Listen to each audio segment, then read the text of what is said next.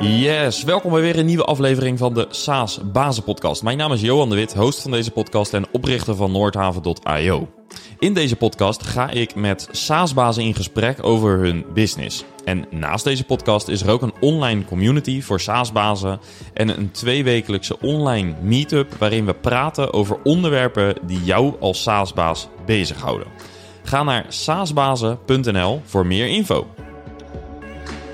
Deze podcast wordt mede mogelijk gemaakt door onze sponsor Leadinfo. Leadinfo is een SaaS-oplossing waarmee je precies ziet welke bedrijven jouw website bezoeken of bezocht hebben. Dat doe je in een hele eenvoudige interface die lijkt op uh, je Outlook, zoals je dat gewend bent. Daarmee kan jouw sales team heel eenvoudig leads opvolgen, de bezoekers die op jouw website zitten. En dankzij allerlei slimme notificaties en integraties met bijvoorbeeld CRM-systemen kun je lead info als belangrijk onderdeel zien van je marketing en sales stack. Heb jij een B2B SaaS bedrijf en wil je weten welke prospects op jouw website zitten? Ga naar leadinfo.com saasbazen voor meer info. Een product business of project business? Red Ocean of Blue Ocean? Partner first of only of end customer focus? Het zijn de dilemma's van Pieter Versloot, co-founder van Plate. Plate is een CMS, of moet ik zeggen DXP. En in deze podcast hebben we het over het positioneren van dat product, van dat CMS, van Plate. Want bij het woord CMS, denk ik, zijn er daar niet al genoeg van. Hoe kun je jezelf onderscheiden van de populaire en bekende CMS'en die er al zijn? En in welk marktsegment liggen eigenlijk de kansen? Ik vroeg het dus aan Pieter en in deze aflevering hoor je zijn antwoord. Let's go!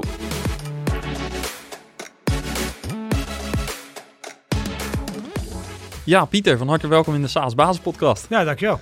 Welkom, je bent zelf ook podcaster. Klopt. Uh, laten we daar maar gewoon eens even mee beginnen. Ja. Uh, hoe heet je podcast? De Plate Sessions. Plate Sessions. Ja, Plate zijn het Engels voor bord en dan de sessions erachter. Ja. Yes, dus als mensen je als host willen horen, dan, dat kunnen ze daar Ja, naar zoeken. Zeker. Maar vandaag ben je dus de gast. Ja. En we gaan het hebben dus over uh, je bedrijf. Dat is al een beetje verklapt. Plate. Ja, klopt. Getplate.com. Ja. Um, wat doen jullie? ja, wij zijn een, een je, je kunt het heel breed zeggen, een digital experience platform. Dus eigenlijk zijn wij een, uh, een, een platform waarop je met een CMS een website kan maken, maar je kunt ook webshops maken, portals, eigenlijk alle digitale uitingen die je tegenwoordig kan, uh, kan verzinnen, kun je maken vanaf ons platform. En dat uh, verkopen we rechtstreeks aan eindklanten, vaak wat grotere bedrijven, maar we verkopen dat ook aan via resellers. Dus creative agencies die in Nederland Plate gebruiken als CMS of een multisite CMS. Of soms ook een platform om PWA's bijvoorbeeld te maken. Progressive Web Apps, ik weet niet of je daar een klein beetje bekend ja, mee bent. Zeker, ja, ja. Nou, dat, dat stuk gebruiken ze als platform. Dus ja. ja. Um, en waarom gebruiken ze daar, waarom zouden ze daar Plate voor moeten gebruiken en niet Drupal of uh, welke andere platform dan ook, WordPress, noem maar op? Ja, dat, dat is, uh, uh, die vraag kregen we altijd. En zeker toen wij, denk ik, een jaar of zeven, acht geleden begonnen, uh, werden wij uh, continu voor gek verklaard dat we een concurrent van WordPress gingen maken. En uh, goed, zelf we het eigenlijk ook helemaal niet. Maar we dachten, ah, weet je wat, dat is leuk, we gaan gewoon iets proberen. En um, ja, eigenlijk de, de, het onderscheidend vermogen wisselt wel hoor, tussen, tussen platformen. Dus Plate versus WordPress is wel anders dan versus Drupal. Maar wat je eigenlijk terugkijkt van, van, terugkrijgt van zowel de eindgebruiker, dus de eindklant, of ook als de, de reseller, is dat ze het Um, onze editor super fijn vinden. Dus dat je uh, inline gewoon echt aan de voorkant kunt uh, bewerken. Dat is, toen wij begonnen was dat uniek. Acht, acht, jaar geleden toen had je websitebeelden zoals Wix, Weebly, Squarespace. Um, maar wij combineren dat met een heel krachtig um, zeg maar CMS. Dus de voordelen van de websitebeelden in combinatie met een CMS. En dat ook nog eens een keer op een platform waar je heel veel verschillende uitingen kunt, kunt maken. Dus we zijn in de breedte. We hebben een heel breed platform. Maar we hebben ook best zeg maar, de diepte binnen het CMS of binnen uh, uh, de, de, webshops of binnen de PWA's. Ja. Um, en wat, je, wat we ook vaak terugkrijgen is dat ze het gewoon gaaf vinden dat er een Nederlands bedrijf is die een, een hosted uh, closed source op, oplossing gaat beginnen. Echt een SaaS bedrijf binnen de, de, de, de CMS-markt. Um, en dat je gewoon ons kunt bellen. En dat je gewoon kan zeggen, hey, ik heb een paar goede tips. Kunnen jullie dit meenemen in de volgende versie van, van, van, van Plate? Nou, en, en dat is... Um, bij, bij sommige partners resoneert het heel erg. Die vinden het heel gaaf om zo mee te denken en een beetje de community building rondom een, CMS slash een, digitaal platform. En de andere kant, ja, en, en, en, sommige bedrijven die, die, ja, die zijn helemaal verliefd op WordPress of op andere open source systemen. Ook helemaal goed. Want je, de markt is groot zat. Ja, ja, ja, zeker. Ja. Wie heeft er geen digitale applicatie tegenwoordig? Dat ja, ja. Uh, voordat we het wat verder over Pleet gaan hebben, want ik ben, ben uh, natuurlijk benieuwd naar hoe dat uh, verder dan ja, onderscheidend vermogen heeft en dergelijke. maar wat is jouw rol binnen Pleet? Ja, ik ben nou, co-founder. Ik heb het samen met drie andere gasten zijn we het begonnen. En mijn, mijn, achtergrond zit meer in de marketing en in het, het commerciële, commerciële stuk. Dus ik heb echt een ik heb marketing gestudeerd. Ik doe dat uh, nog steeds. Ik ben nu nog een master aan het volgen in de spaarzame uurtjes die ik nog over heb.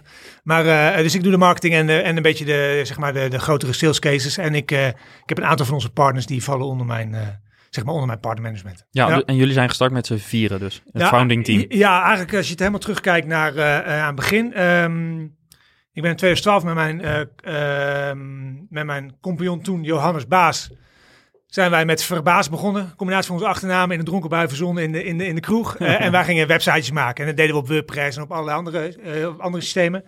Na een jaar dachten we, weet je wat, want we schreven vaak hele goede, zeg maar, theoretische ehm, SEO-optimalisatierapporten. Maar dan ging die eigenaar of die website, de, ja, vaak de ondernemer, probeerde dat dan te, te realiseren. Maar die kwam erachter dat op zijn CMS heel veel dingen niet konden.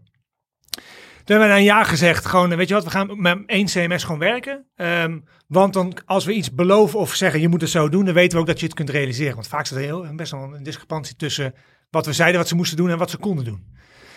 Um, toen kwamen we uit bij de, de, zeg maar de werkgever van Johannes. Uh, die had op dat moment een jongen in loondienst. En die was een soort van websitebeelder CMS aan maken. Um, heel, technisch heel vernuftig. Maar hadden eigenlijk geen klanten, geen commercieel verhaal. En wij zeiden, weet je wat Johannes en Pieter, uh, mogen wij... Um, mogen wij reseller zijn van, van, van jouw software? Nou, we noemen het Verbaas CMS en wij gaan, nou, wij gaan dat lekker oppakken. Hebben we een jaar gedaan. In de avontuurtjes verkochten we de 30 sitejes. Nou, dat was best wel aardig wat. En toen hebben we eigenlijk na een jaar gezegd, volgens mij hebben we best wel een visie ook op hoe we het commerciële stuk moeten oppakken en het klantenstuk. We zagen dat dat stuk bij hun intern niet echt van de grond kwam kunnen wij ons niet inkopen? En toen zijn we, uh, eigenlijk naar de werkgever Johannes gezegd, oké, kunnen de, degene die het heeft gemaakt, plus wij twee, uh, en, uh, de, boel, de boel uitkopen, zijn we met z'n vieren verder gaan. Ja, ja. en hoe ziet dat team er nu uit? de originele zeg maar, eigenaar die wij toen hebben uitgekocht, die is nu weer volledig uitgekocht. en dat stuk hebben we voor een stukje doorverkocht weer aan investeerders. Die ons ook een beetje senioriteit meegeven, want we zijn gewoon drie gasten van begin 30 en we groeien redelijk hard. Dus we hebben ook wat ervaring nodig en ook wat uh, grijze haar, om het even zo te zeggen. En, uh, en gewoon een veel, uh, ja, zeg maar, de ervaring van de, van de business, van de, wat komt er nou kijken bij, bedrijf, bij het groeien van het bedrijf, met een goede SLA, met contracten, met al die dingen die, waar je liever niet over na wil denken, maar die super belangrijk zijn om over na te denken. Ja, ja, zeker als je op een gegeven moment gaat schalen. Want is het, kun je wat voorbeelden geven van klanten die draaien op jullie platform? Ja. En, en hoe zij het gebruiken, want je geeft al aan, het is best wel uh, op verschillende manieren inzetbaar. Ja. Kun je wat use cases geven? Zeker. Toen we zeven jaar geleden begonnen, de eerste partner van ons, zo'n club uit Utrecht, die kwamen meteen met uh, uh, Veldhuis en Camper aan. En uh, die zeiden, ja, die gaan zoeken ze makkelijk CMS om hun website te beheren en hun playlist te up uploaden en hun speellijst van waar ze in welke theaters stonden.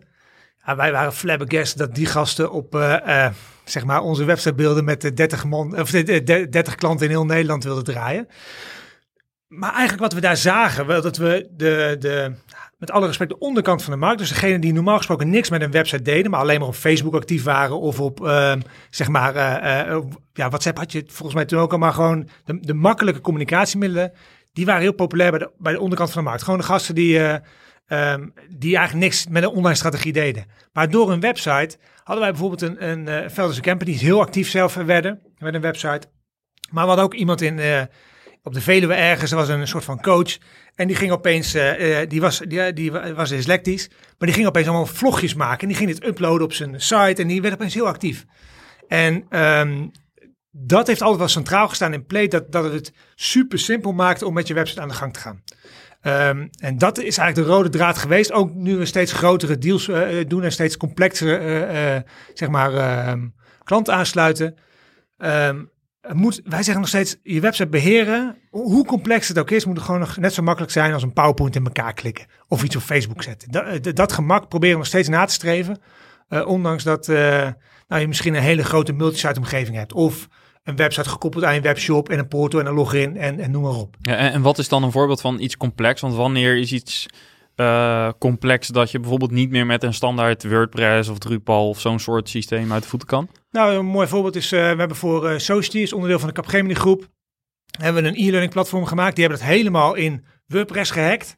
Nou, die hebben volgens mij echt een heel bataljon aan plugins daarvoor gebruikt. Maar het wordt totaal onwerkbaar, want het is daar niet voor gemaakt. En bij ons begin je op platformniveau, kun je gewoon de voorkant en de achterkant designen zoals jij het wil. En als jij dus je, je e-learning zo wil samenstellen met, oké, dit is een hoofdstuk, dit zijn de paragrafen, ik wil hier oefenvragen hebben, dan moet ik weer verder gaan met mijn paragrafen. En daarna krijg ik een examen, dat zijn een selectie van vragen uit mijn oefenexamen. Uh, als ik uh, één keer mijn oefenexamen fout heb gedaan, dan mag ik nog een herkansing hebben, maar niet voor de tweede keer. Ik moet minimaal 80% halen. Daarna krijg ik een pdf met mijn certificaat.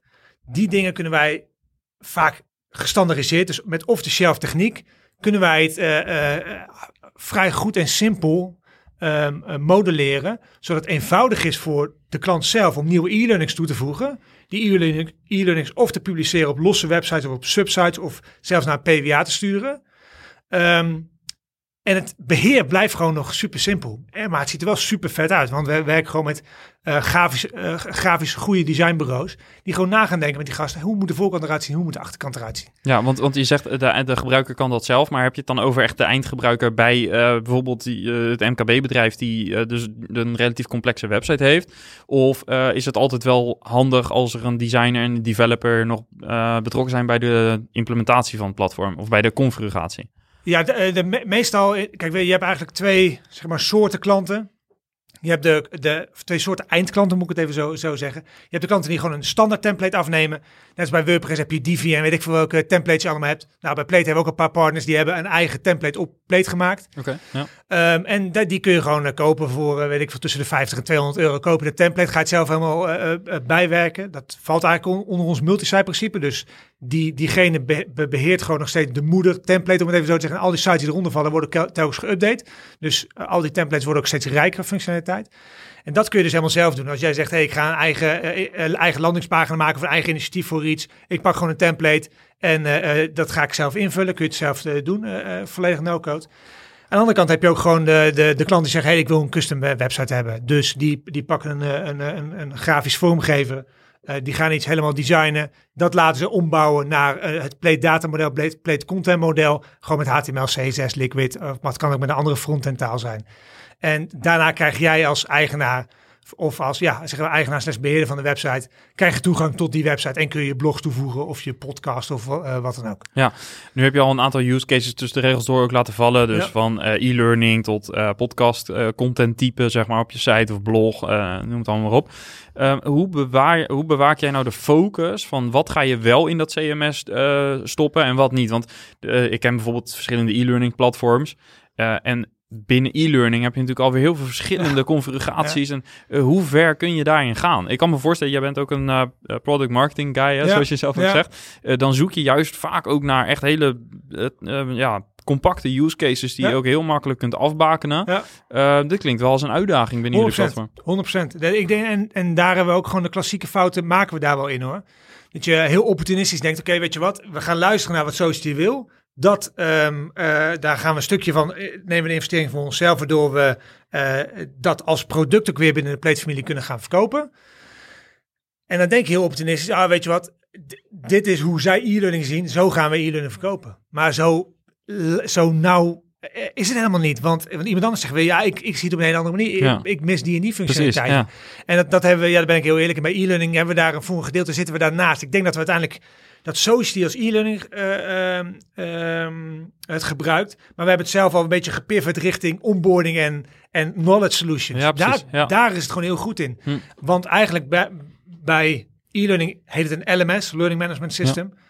Um, en wij zijn heel goed in die C in content. En zodra het heel erg rondom die L van learning draait, ja, daar zijn we minder sterk in. Of moeten we heel veel modificaties doen, wat we gewoon niet willen. Ja. Dus in de volgende use cases pakken we, kijken we gewoon naar, zit er een hele sterke niet voor content modificatie. Dan zijn we sterk. Dan zijn we misschien wel onverslaanbaar. En dan gaan we volle bak op die cases in. Dus voor de standaardisatie van het product gaan we, ook, gaan we die, die hoek ook in. Ja. Met e-commerce hetzelfde. Heel opportunistisch. Uh, twee jaar geleden onze eerste webshop op Plate gelanceerd. Nou, was een succes. Uh, klant ging door de ging, ging de verdubbelaar in. Ook mede dankzij corona. Het was niet alleen. Uh, die, die omzet ging goed. Maar de volgende paar deals die je doet, daar, daar ga je wel eens achter de oren krabben van, hey, hoe hebben we die integratie gemaakt? En, en waarom zit het op deze en deze manier in elkaar? Ja. En wat moet er in de standaard zitten, ja of nee? En dat, dat zijn wel, um, in de salesfase wint de opportunist en de cowboy het soms van, van, van de, de, de, de, de Realist, ja, de ja. product marketing guy, zoals je Ja, zegt.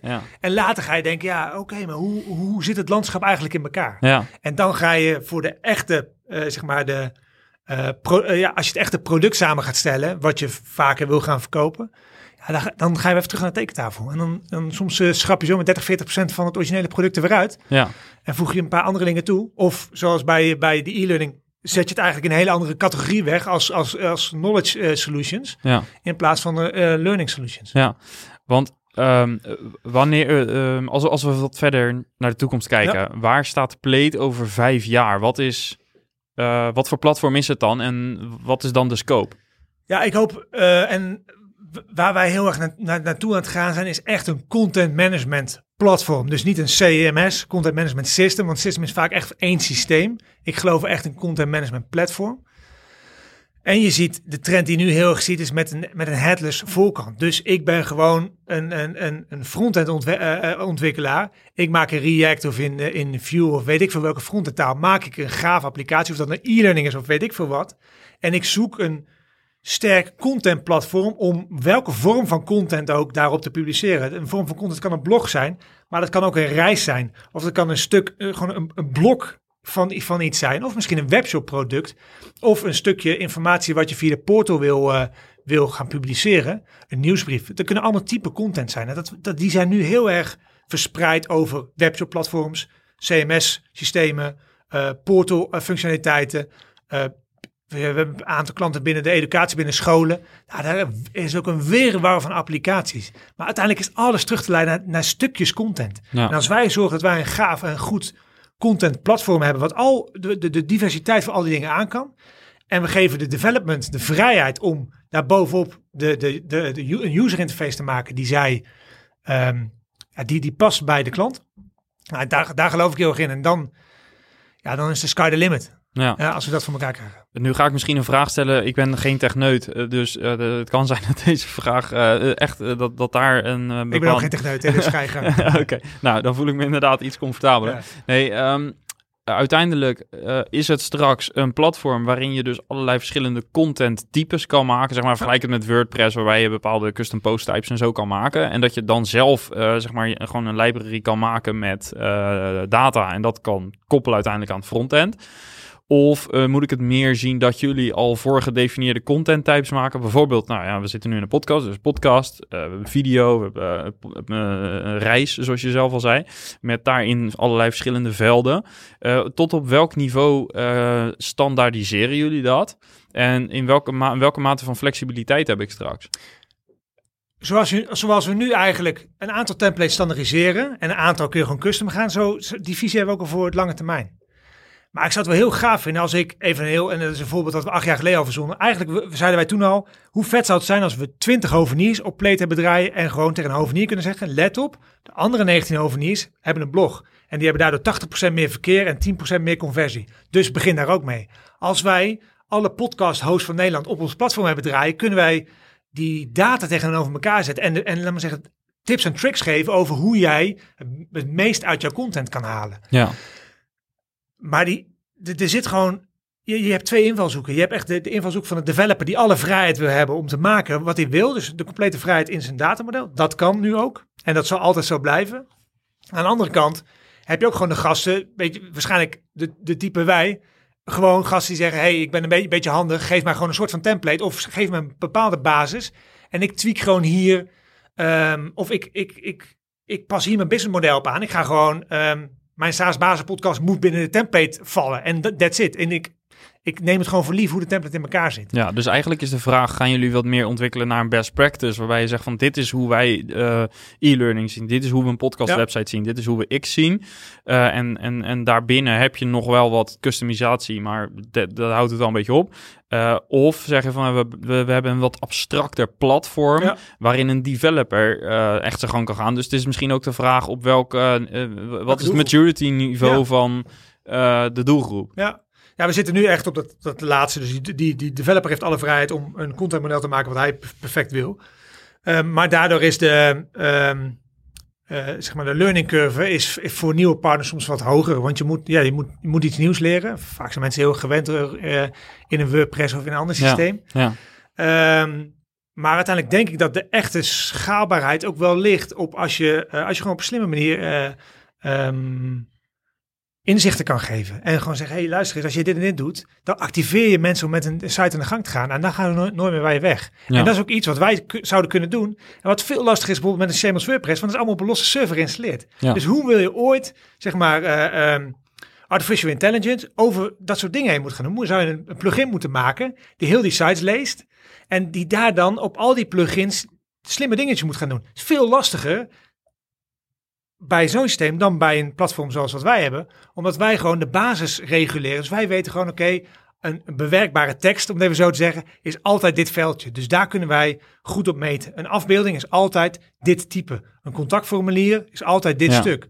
En daar kunnen wij veel slimmer, denk ik, en veel schaalbaarder uiteindelijk. Ja. Uh, ook richting uh, artificial intelligence en, en, en, zulke trends op inspelen. Ja, oké. Okay. Ja. Jack, um, op dit moment heb je dus uh, enerzijds een productbusiness ja. uh, met het uh, CMS, CMP wordt het dan misschien wel meer. Ja, nieuwe categorie. ja, precies. Ja. en daarnaast heb je nog een stuk consultancy. Ja. jullie helpen dus klanten ook nu, eindklanten, dus ook met het maken van tweaks aan de frontend en het inrichten van de CMS. Um, waar wil je uiteindelijk naartoe? Want dit zijn wel twee modellen naast elkaar die in de praktijk vaak moeilijk samengaan. Nee, we gaan naar product. Hm. En, en, en Um, waarom we, kijk, we hebben, we dachten toen we in 2016 eigenlijk Plate opnieuw gingen maken. We zagen cloud computing was, zat gigantisch in de lift. En ze hebben alles helemaal opnieuw gemaakt op AWS, op Amazon. Um, wij dachten dat we in zes maanden klaar waren, maar het heeft ongeveer een dikke twee, tweeënhalf jaar gekost. Uh, en in de tussentijd hebben Johannes en ik bleven gewoon templatejes verkopen. Om maar gewoon te zorgen dat de landbaan konden blijven. dat heeft er wel voor gezorgd dat we ja, minimaal 300 directe klanten hebben daar neem je niet zomaar afscheid van. Want die, die leveren ook gewoon weer per maand of per jaar uh, een mooi abonnementje op. Dus, een, een, een, stuk is dat gewoon belangrijk in je recurring. Uh, alleen het partnerstuk wat je nu op ziet komen, 80% van onze licenties gaat nu via partners elke maand. Dus dat heeft veel meer potentie. En even zo gezegd, als er bij iemand uh, zegt, hey, ik heb 2000 euro budget voor een websiteje, doen wij het helemaal niet meer zelf. Weet je, zeg, hey, ga naar een van deze partners toe, kiezen we vaak een beetje partner die goed of in de regio of in, in de branche, ga daarheen. Maar we, het is voor ons super lastig, want, want we hebben ook een aantal eindklanten die juist zeggen, ja, we willen rechtstreeks bij de leverancier, bij zeg maar de goeroe rondom content management, willen wij het inkopen. Met jullie kunnen we bepaalde discussies hebben, die we met een reseller gewoon veel minder goed kunnen. En is voor ons ook echt een, een, de lastigheid nu om of we moeten uh, gewoon een hele bold move maken en gewoon zeggen tegen één partner, luister eens partner, je bent misschien nog niet helemaal up to speed nu, maar wij gaan zorgen dat, dat jij de beste mensen krijgt en jij wordt ons partnervehikel. Maar dat, is, dat vind ik heel spannend. En dat is echt een zoektocht ook, omdat dat klanten geven het gewoon bij ons aan dat ze het fijn vinden. Dat ze, net als partners het fijn vinden, dat, er gewoon, dat ze kunnen bellen met de CMS-leverancier. Is het geldt ook voor klanten van, hé, hey, ja. luister eens, kunnen jullie deze functie niet zo en zo vormgeven? En die vinden het heel gaaf dat ze een CMS hebben waar gewoon het team qua foto's op de website staat. Ja. En ze gewoon Pieter kunnen bellen, want Pieter is op de website en Pieter kan ook gewoon langskomen, want het is Nederland. Ja, precies. Maar, maar als je het niet doet, dan heb je mogelijk een, dat kanaalconflict. Ja, 100%. dat, je, dat je partner straks zeggen van ja, ja, dat, maar hebben, dat hebben we nu al af en toe. Dat we gewoon, uh, wij zitten wel eens, uh, worden we voor een, voor, een, voor, zitten we in een selectietrek voor een deal en zitten we samen met een partner van ons. Nou, dan hebben we gewoon een, altijd gewoon een gentleman agreement met elke partner, dan trekken wij ons terug. Want dan ga ik liever uh, vlieg ik liever in zo'n traject erbij als zijn de Pieter van het platform van mijn resellen. Ja, want dan kan je sales ondersteuning geven, want ja, dan dat, komt het toch dat, volgens mij op sales Dat, doen, dat doen we ook. Ja, ja, ja maar um, het is, het is, je, je moet een enorm vertrouwen hebben in je partners. Dat je gewoon, gewoon eigenlijk een lead die binnenkomt, gewoon zegt, oké, okay, ik, ga, ik ga niet zelf naar de lead toe. beste partner X, hier heb je hem. En, en doe het maar. Verkloot het niet, maar de kans is dat je het verkloot. Maar ik, ik, ja, je mag het doen. En dat, dat vind ja, dat, uh, ik ben een controlfreak. Dat vind Ja. ik lastig. En dat, dat merken we bij ons ook intern ook. We hebben gewoon een hele sterke visie op, op hoe, eh, zeg maar, onze categorie, hoe ons product eruit ziet.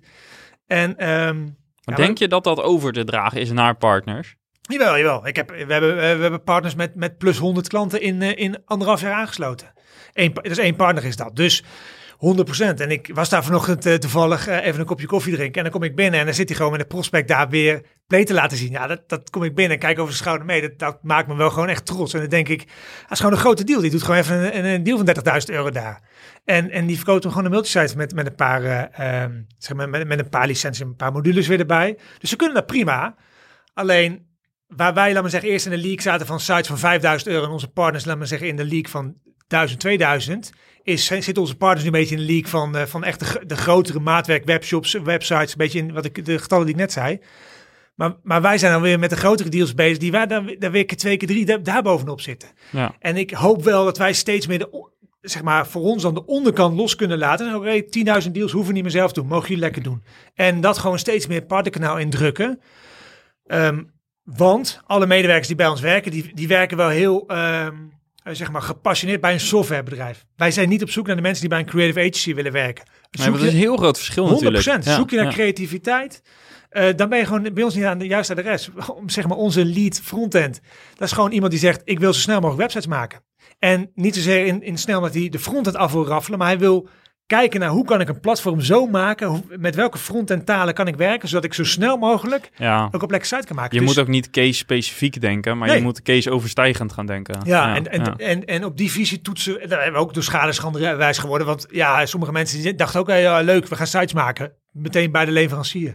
Dat past toch minder goed, kom je na een tijdje achter. ja. En bij iedereen moet bij ons wel echt gewoon overtuigd zijn van de softwarevisie. en dat, daar doen wij zelf ook veel mee met... eh ehm, ja, één keer per maand hebben wij well played noemen we dat. En dan gaan we gewoon met die gasten gewoon echt de, de beste cases op het Plate platform bespreken. Dat kunnen ook gewoon onze partner cases. Om het te laten zien, die gasten te inspireren van hoe groot is het platform. en Waar kun je allemaal aan denken. En, en hoe kunnen we het met elkaar beter en slimmer doen. Ja.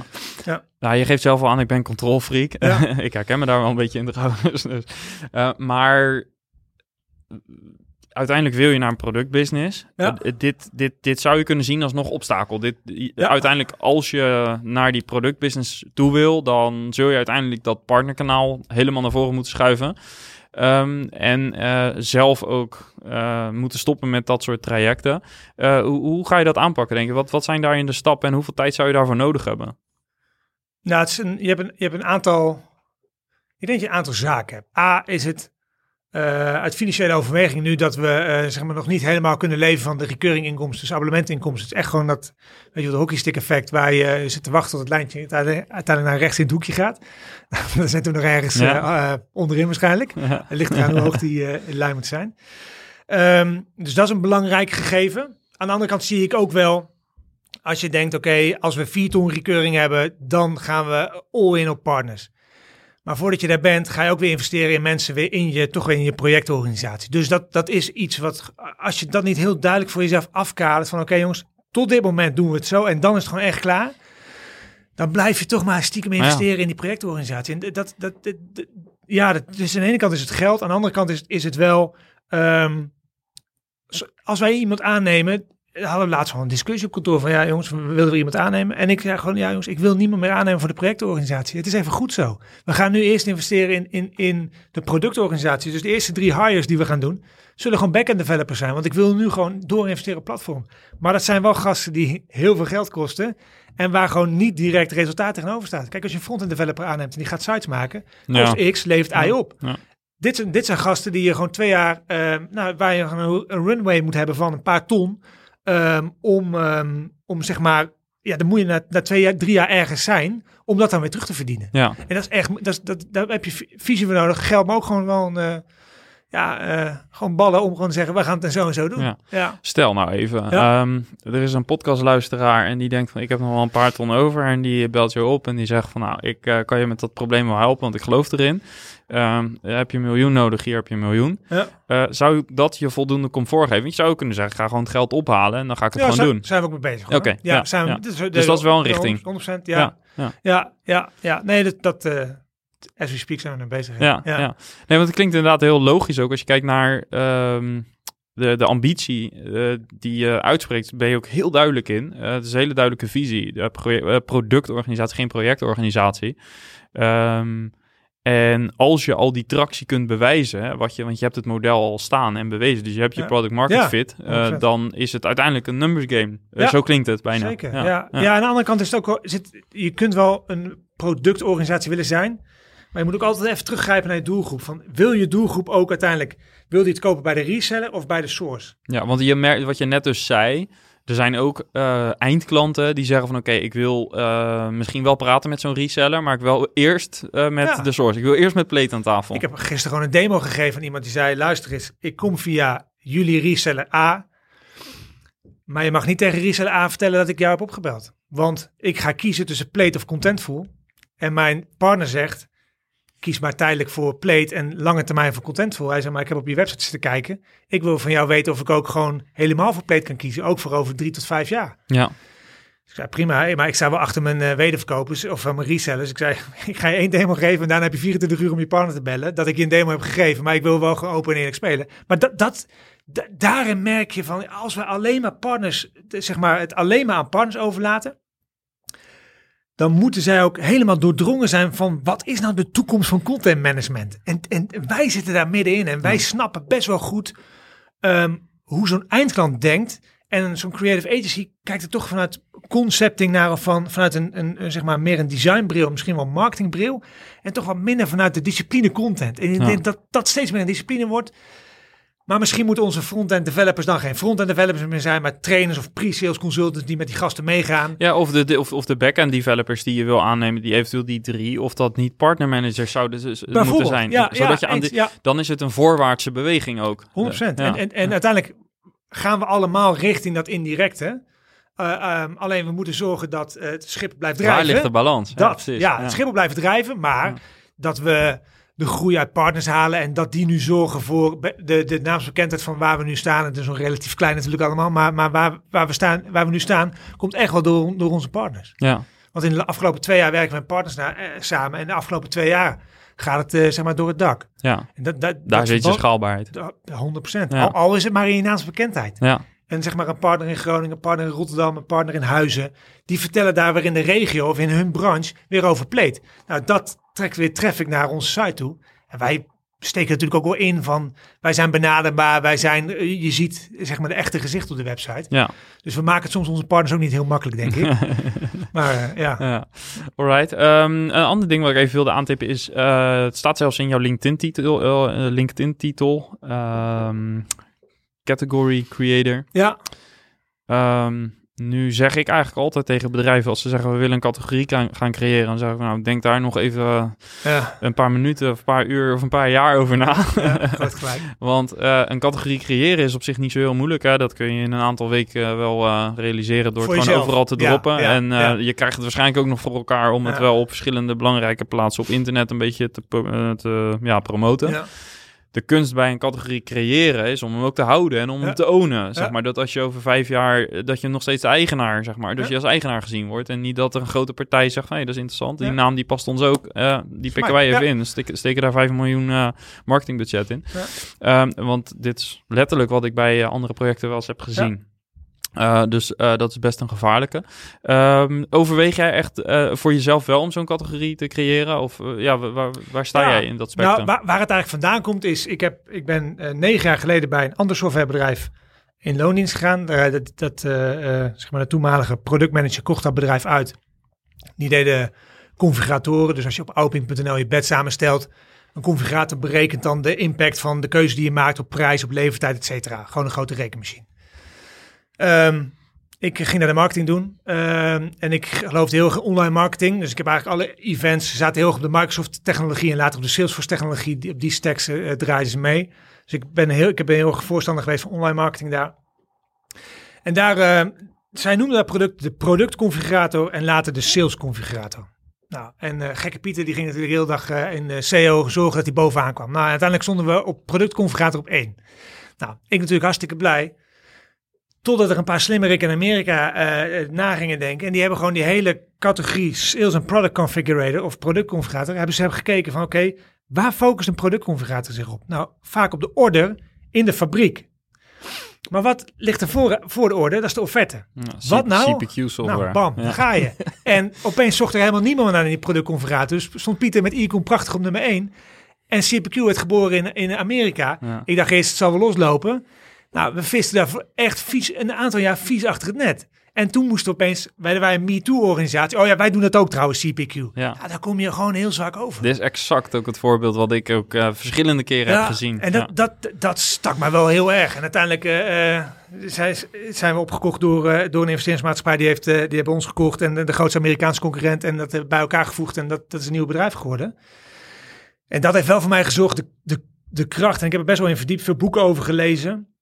Eh, over de kracht van eh, eh, category cre- creation is, is waanzinnig. Ja. Maar je moet een hele diepe zak hebben, Ja. hoop geld, hoop invloed, maar ook eigenlijk hele traditionele media en marketing uitingen zoeken om je categorie van, van de grond te krijgen. Bijvoorbeeld evenementen. Want je moet, mensen zoeken niet naar jouw categorie. Nee. Dus je moet ze gaan confronteren met billboards, met events. Het, het is meer dat ik die droom najaag. Het zou Ja. echt, ik zou het super vinden. Je zei net al gekscherend, content management platform. Ja, CMP. Ja. Nou, is dat- jouw zou- term straks? nou, ja. ik- zou- Ja. ik zou Op Capterra straks. Ja, eh, eh, ja, ja, eh, ja. Gardner, dat zou ik heel vet vinden. Ja. Maar dat, dat is wel uiteindelijk. En, en in het CMS-landschap zie je het ook gebeuren. CMS noemt iedereen uit. Vroeger had je, of toen vroeger, 15 jaar geleden, 10 jaar geleden, had je CMS. Er kwam opeens een websitebeelder aan de onderkant erbij. En nu zie je aan de bovenkant DXP, Digital Experience Platform, eroverheen komen. Dan zie je eigenlijk hetzelfde gebeuren. En als je het afpelt, wat is een DXP, is eigenlijk, valt eigenlijk best wel mee ten opzichte van CMS. Ja, het is, het is wat, wat meer multi. Dus je kunt multi-site, multi-content. Er zit personalisatie in. Er zitten wel een paar echt dingen in die, niet, die standaard niet heel goed geregeld zijn in CMS, eh, traditioneel gezien. Maar die visie hebben van probeer het, het de, dat is zo heet het boek ook, eh, eh, Play Bigger. Dat is een, echt een heel gaaf boek over, over dit onderwerp. Ehm, ja, dat, dat, dat, dat fascineert mij. Dat, dat, nou, dat is dan mijn eh, LinkedIn tagline, dat ik dat najaag. Laat ik het dan zo Ja, zeggen. Maar dus het lijkt me heel bijna vet. je bierhack, zeg Ja, maar. eigenlijk wel. Dat lijkt me heel erg cool om er gewoon later te kunnen zeggen: oké, ik hoef niet de grootste te zijn in die categorie. Maar als ik een steentje daaraan bij, bij heb gedragen en Plate is een van de bedrijven die een autoriteit is in, eh, op content management platforms, dan eh, zou ik het heel erg vet vinden. Ja, Ja, ja. gaaf. Ja, want hij is er nog niet dus. Nou, niet, niet officieel. Ja, wat is een. Wat is Ze worden misschien gebruikt, maar het Nou, is niet, het is nee. niet op, eh, zeg maar, ik kijk altijd op Nee. Capterra, op Gartner en zo. Nee, wij staan ook op, eh, op G2, G2 Crowd. Ja. Daar heb je Headless CMS is een categorie. Je hebt de website builders categorie. En WCMS, dus Web Content Management. Dat is eigenlijk een beetje de CMS-tak. Dus die drie. En denk Digital Experience Platforms ook. Maar nog geen Content Management Platform. Er is ruimte voor je. Leuk. Ja. 2025. eh, Precies. Ja. Ja. Ja. nee, je moet een doel hebben om Ja, naartoe te 100%, werken. Ja, ja, ja. Ja. Nou, we hadden het ook even over Red Ocean versus Blue Ocean. Ja. Eigenlijk eh, betekent dit ook dat al zou je deze categorie gaan creëren, dat je ook eh, daarmee tijdelijk weer een soort van Blue Ocean Ja, creëert. 100%, Ja, ja. ja. ja, ik weet niet of de luisteraars daar bekend mee zijn. Maar als je een beetje marketing zeg maar feeling hebt. Of je, je vindt het leuk om je daarin te verdiepen. Het, het boek Blue Ocean Strategy is een super gaaf boek over... zeg maar eh, de Red Ocean waar de haaien elkaar eh, eh, kapot bijten, want daar zit alle concurrentie. Of we gaan naar het Blue Ocean toe. Een paar hele gaaf voorbeelden over een bedrijf dat maken van die frituurmandjes, hoe heet dat? En die ging uiteindelijk airfryers maken. Nou, dat is het traditionele voorbeeld van ja, we- we- zo'n zo'n frituur dingetje, daar koop je voor twee tientjes bij de blokken. En die hebben opeens een heel andere categorie gemaakt. En opeens gingen mensen 100 euro betalen voor, voor een airfryer. ja. Ah, dat vind ik een hele gaaf voorbeeld. Eigenlijk weet je dat ook. En dat, dat is bij Plate hebben we dat ook. Ik heb eigenlijk een Blue Ocean Strategy. Dat is eigenlijk de, de, de nieuwe content, eh, of, eh, de category creation. En ik heb een Red Ocean strategie waar je dus moet concurreren.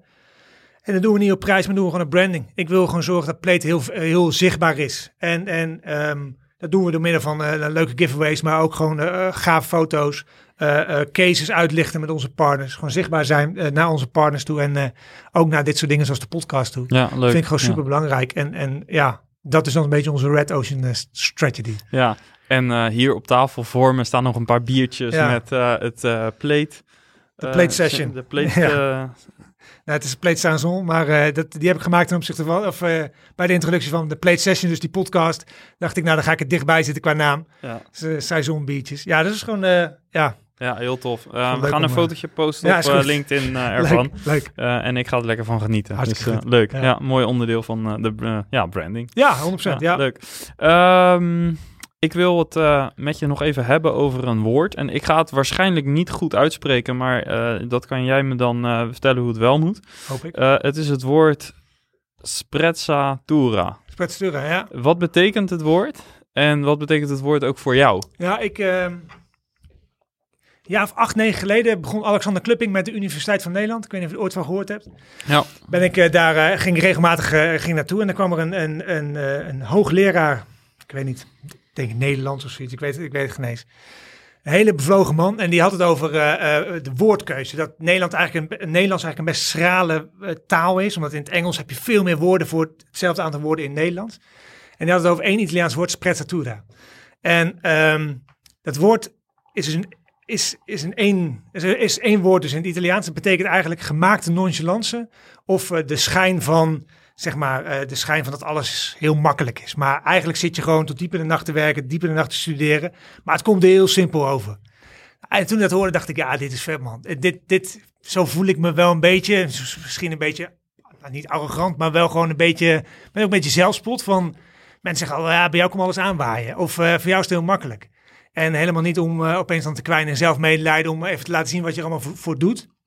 Maar ik vond dat wel een heel gaaf woord. Dus toen, uh, ah, toen dacht ik, ja, ik ga hier, ik, ik ga hier een eigen bedrijfje van maken. Dus uh, ik heb, daar stelt niks voor, maar het is mijn investeringsmaatschappij die, waar, waarmee ik nu zeg maar, mijn pleet aandelen heb. En ik zou het leuk vinden om dat later een beetje uit te breiden. Maar dat is het woord sprezzatura, ja. ja. Dus de, de, de, de, de dus het, ja, de schijn van nonchalance is het volgens mij. Ja, precies. Ja, ik Ja. heb me ook even nagekeken. Ja, de- in, ja. in het Engels is het woord een beetje eh, effortless. Eh, ja, zeg maar, dat, ja, je het is echt gewoon het- heel simpel ja, door het leven. bijna casual. Ja. Van, het, het, het, gewoon relaxed, Ja. het komt. En, Ja. eh, terwijl je er uiteindelijk dus eh, Best wel wat eh, heel veel Ja. voor doet op de achtergrond. Ja. Overigens denk ik in die zin dat voor veel ondernemers dat geldt. Ik spreek 100%. natuurlijk gigantisch veel ondernemers. En op afstand, het, het- die doorbraak, die ziet er vaak natuurlijk verschrikkelijk aantrekkelijk uit. Maar al die uren, dagen, wie- weekenden doorbuffelen en eh, nou, noem alles maar op wat Ja. je kunt opgeven voor je bedrijf. Eh, maar dat zeggen ze toch ook vaak. Een overnight succes kost je drie of vier jaar. Ja, precies. nou, dat ja. hebben we pleet ook op. Nu, nu, zeg maar, sinds twee jaar gaat het hard. En zeggen mensen, wow man, het komt, ah, jullie hebben ook geluk man, dat je net op het juiste moment in de juiste categorie zit. Ja. Nou, die hebben niet doorgehad dat je al bijna drie keer vier bent geweest. Dat je eh, een paar keer jankend op de parkeerplaats hebt gestaan. Dat je denkt, ik stop ermee. Ja. Of eh, klanten hier boos op ben en denk ja, het is nu allemaal voorbij. Ja. Dat, hebben, dat, dat zien mensen niet. Nee. En Dat dat is misschien maar goed ook, maar 100, soms, soms, soms zou het fijn zijn als het wel... maar voor jezelf Ja. voelde dat dan leuk door, door, door die naam aan Ja. je eigen holding te geven. Ja, mooie betekenis. Ja. Gaaf. Ehm, ja, dan zitten we ook een beetje in de hoek van lessen. En dat is ook een beetje waar ik mee eh, zou willen afsluiten. Ehm, wat is, eh, zeg maar, alle ervaring die je nu met Plate hebt opgedaan? Wat is echt een ondernemersles die je ze graag zou willen doorgeven aan de luisteraar? Ja, ik, ik, eh, als je het over een les hebt, dan ehm, ga ik het even eigenlijk niet over een les hebben. Ik was laatst aan het hardlopen. En dan liep ik, ik liep een route die ik eigenlijk nooit liep in, in Utrecht. En ik kwam onder een bruggetje door en daar stond eh, eh, aan de zijkant in, de, in die brug stond eh, ingegraveerd, zonder geluk vaart niemand wel. En ik vond dat eigenlijk wel heel diep. Want aan de ene kant kan het je, als je succesvol bent, heel dankbaar maken dat je denkt, ja, er zit echt een heel stuk geluk bij. Want ja, waar je wieg staat, heb je niks, ja, heb je helemaal geen invloed op. Of dat je bent geboren of eh, eh, eh, met een bepaald intelligentieniveau of met bepaalde ouders of kun je niks aan doen. Aan de andere kant kan het denk ik ook als je niet zo succesvol bent of als alles tegen zit. Als je maar genoeg probeert, gaat er echt wel een keer wat lukken. Bij, bij ook, de, je wil niet weten hoe vaak we op ons bek zijn gegaan. Tot advocaten toe, dat we gesmest zijn met eh, in, een, in een een of andere ja, we hadden een, of andere discussie. Nou, wij dachten, wij gaan het even zelf doen zonder advocaat. Nou, dan kwam een advocaat binnen van de tegenpartij voor, ah, weet ik, voor 350 euro per uur. Ja, die drukte ons alle hoeken van de kamer in. Dat zijn momenten waarin je, dat je, ja, dat je denkt, oh, ik heb helemaal geen geluk, het zit gewoon tegen. Maar als je gewoon maar blijft proberen, uiteindelijk, dan gaat gewoon, het gaat gewoon een ke- een keer gaat er wat goeds komen. En als je maar blijft proberen. Dus dat vind ik, het nou, is niet echt een les, maar dat is wel voor mezelf. Als het goed gaat, nou, moet, moet het relativeren als het slecht gaat, moet het je motiveren om gewoon te blijven gaan. Ehm, en ik, ik, de les die ik ook wel eh, leer is, ehm, in hoeverre je, hoe lang je, ehm, hoe lang je nou niet door moet blijven gaan in je eigen bedrijf, maar durf je ook verder te kijken dan je eigen persoon. Stel je voor dat er nu iemand komt die beter is dan Pieter Versloot binnenpleet op marketing. Heb ik dan, zeg maar, is mijn ego dan klein genoeg dat ik aan de kant durf te stappen om, om pleet, dat het niet alleen mijn eigen kindje is, maar dat het een kindje is van al onze partners, al onze klanten. En dat er eigenlijk iemand komt die beter is dan ik op dat bepaalde moment, of dat een bepaalde discipline. Dat ook wel. Maar het maakt mij aan de ene kant heel eager om te blijven studeren, om te blijven lezen, om, om, om de beste te, te blijven zijn. En ik zie wel in Nederland geen luiheid, maar wel een bepaalde gemakzucht van oké, ik zit nu ergens, het is wel goed, het is mijn toko, ik, ik, be, ik beheers het nu. En eh, het zal mijn tijd wel duren. En, Ja. en, en, en niet meer die, die echte honger. Ik heb een tijdje in, in Amerika gewerkt, ook voor, voor, dat, voor dat bedrijf waar ik net over had. Dan heb je een hele andere mentaliteit. En dat Ja. is niet, lang niet altijd goed, maar, maar een klein beetje meer eh, willpower om gewoon echt te staan en, en over grenzen heen te zetten. Ja, dat, eh, ja, dat is, ja, is een beetje cliché, maar dat, dat, eh, dat, zou, dat geef ik als, dat, dat waardeer, uiteindelijk waardeer je dat in mensen. Die, de mensen die net een beetje extra erin stoppen, of die, die, heel energiek overkomen, zijn gewoon fijne mensen. In ieder geval, daar eh, trek je aan op. En het zijn uiteindelijk de mensen die je makkelijk je euro's geeft van als je een keer hun producten of hun diensten nodig hebt. Ja. Heb jij voor jezelf een bedrijfsoverstijgend doel? Nee. Nee, ik, ik, ik sta elke dag op en ik vind het gewoon het eh, mooiste dat er is. Gewoon eh, in de auto stappen en gewoon, eh, gewoon, ja, ik noem het soms een beetje gewoon klooien. Gewoon, gewoon kijken wat de dag je brengt. En Ja, gewoon naar een ja. partner toe gaan. Dan zie je dus weer een nieuwe deal vallen. Nou, dat maakt me heel blij. En, maar- en, en mijn radertjes gaan naar bovenin eh, gewoon draaien. En denk, hey, als dat bedrijf in, in die branche dat zo doet, misschien dat we wel dan, dat en dat bedrijf ook kunnen aansluiten. Dus ja, Je bent continu de energie aan het ja, focussen eigenlijk, op... Ja, eigenlijk wel. Ja, gewoon, gewoon proberen heel, heel wijd en heel breed te, te blijven denken. Maar wel gewoon echt heel op, oprecht geïnteresseerd zijn mensen. En echt het verhaal van, van iemand te willen weten. Zodat ik ook weet waar in het grotere plaatje kan ik ze, eh, kan ik ze zetten. Waar, waar kan ik ze helpen? Of waarschijnlijk verbinden aan, aan iemand anders. Dat, Ja. dat wel, maar ik heb niet een, nee, niet een heel overstijgend doel. Nee, ik ben, ik ben hartstikke gelukkig eigenlijk. Dus Ja. ik- als, dit, als dit nog zo 20, 30 jaar door mag gaan, 40, 50 jaar, dan eh, ben ik meer dan tevreden. Ja. ja, mooi. Ja. En die categorie moet er komen. Ja, 100%. 100%, ja. ja. Alright. Yes, nou, daar zou ik mee willen afsluiten. Ja. Ehm, overigens, nee, nog, toch nog één Oh, vraagje. ja. Omdat je eh, zegt, eh, ik lees graag. Ik zag ook eh, op je website dat je verschillende boeken ook Ja. eh, hebt gereviewd. Je hebt al een paar boeken genoemd. Ik zorg dat die even in de show notes komen. Ehm, echt voor de SaaS-baas. Ehm, wat is echt het must-read boek? ja, ja, is ook weer zo breed. Van, hey, als je, ik, ik, ik geef als boeken aan SaaS, eh, zeg maar, vrienden of ondernemende vrienden. Maar dan denk ik dat ik, ik vind het waarschijnlijk heel interessant. Maar iemand anders kan het totaal niet interessant Ja. vinden. Dus ik, ik in, in ehm, Aan welk boek heb jij het meest zelf gehad? Misschien is dat een betere vraag. Eh, Unconscious Branding. Dus eh, dat vond ik een heel, heel interessant boek.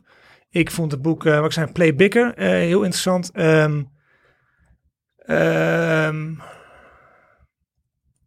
en kan even niet op de naam komen, maar ehm, eh, het gaat, boek gaat over eh, de, de cross, cross, cross the Cross Chas- the Chasm. Ja. Dat vind ik, vond ik, ja. dat vind ik echt een, eh, ook qua, qua zeg maar, een beetje het snijvlak tussen product en marketing vind ik dat een heel, heel goed boek om, om door te, te hebben. Wa- Waar sta je een beetje en, en, en met welk type gebruikers heb je nu te maken? Check, ik zorg dat die gewoon in de show notes allemaal terechtkomen, zodat de luisteraars die eventueel eh, kunnen gaan eh, downloaden of, eh, of aanschaffen. Maar goed. Ehm, thanks voor je verhaal. Eh, het, er, er zit heel veel in. Er zit eh, category creation zit erin. Er zit een stuk positionering in. Blue Ocean, Red Ocean, het bouwen van een team, uitdagingen. Kortom, echt eh Ja, boordevol eh, Ja. lessen, inzichten en eh, nou ja, eh, En we zijn nog maar net avonturen. ja, precies.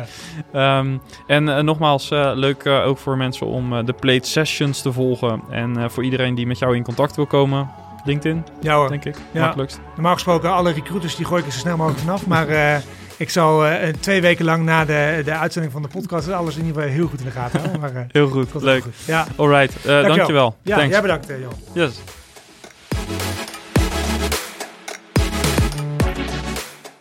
Yes, en ben je op zoek naar meer inspiratie? Schrijf je dan in voor de SaaS-bazen Meetup. En luister niet alleen naar het laatste SaaS-nieuws, maar krijg ook een inkijkje in case studies van andere SaaS-startups en scale-ups. En neem zelf ook actief deel aan het gesprek. Ga naar saasbazen.nl en klik op, op Meetup voor meer informatie. Bedankt weer voor het luisteren. Laat een review achter om ons te helpen om de podcast steeds beter te maken. En hopelijk tot volgende week. Bye bye.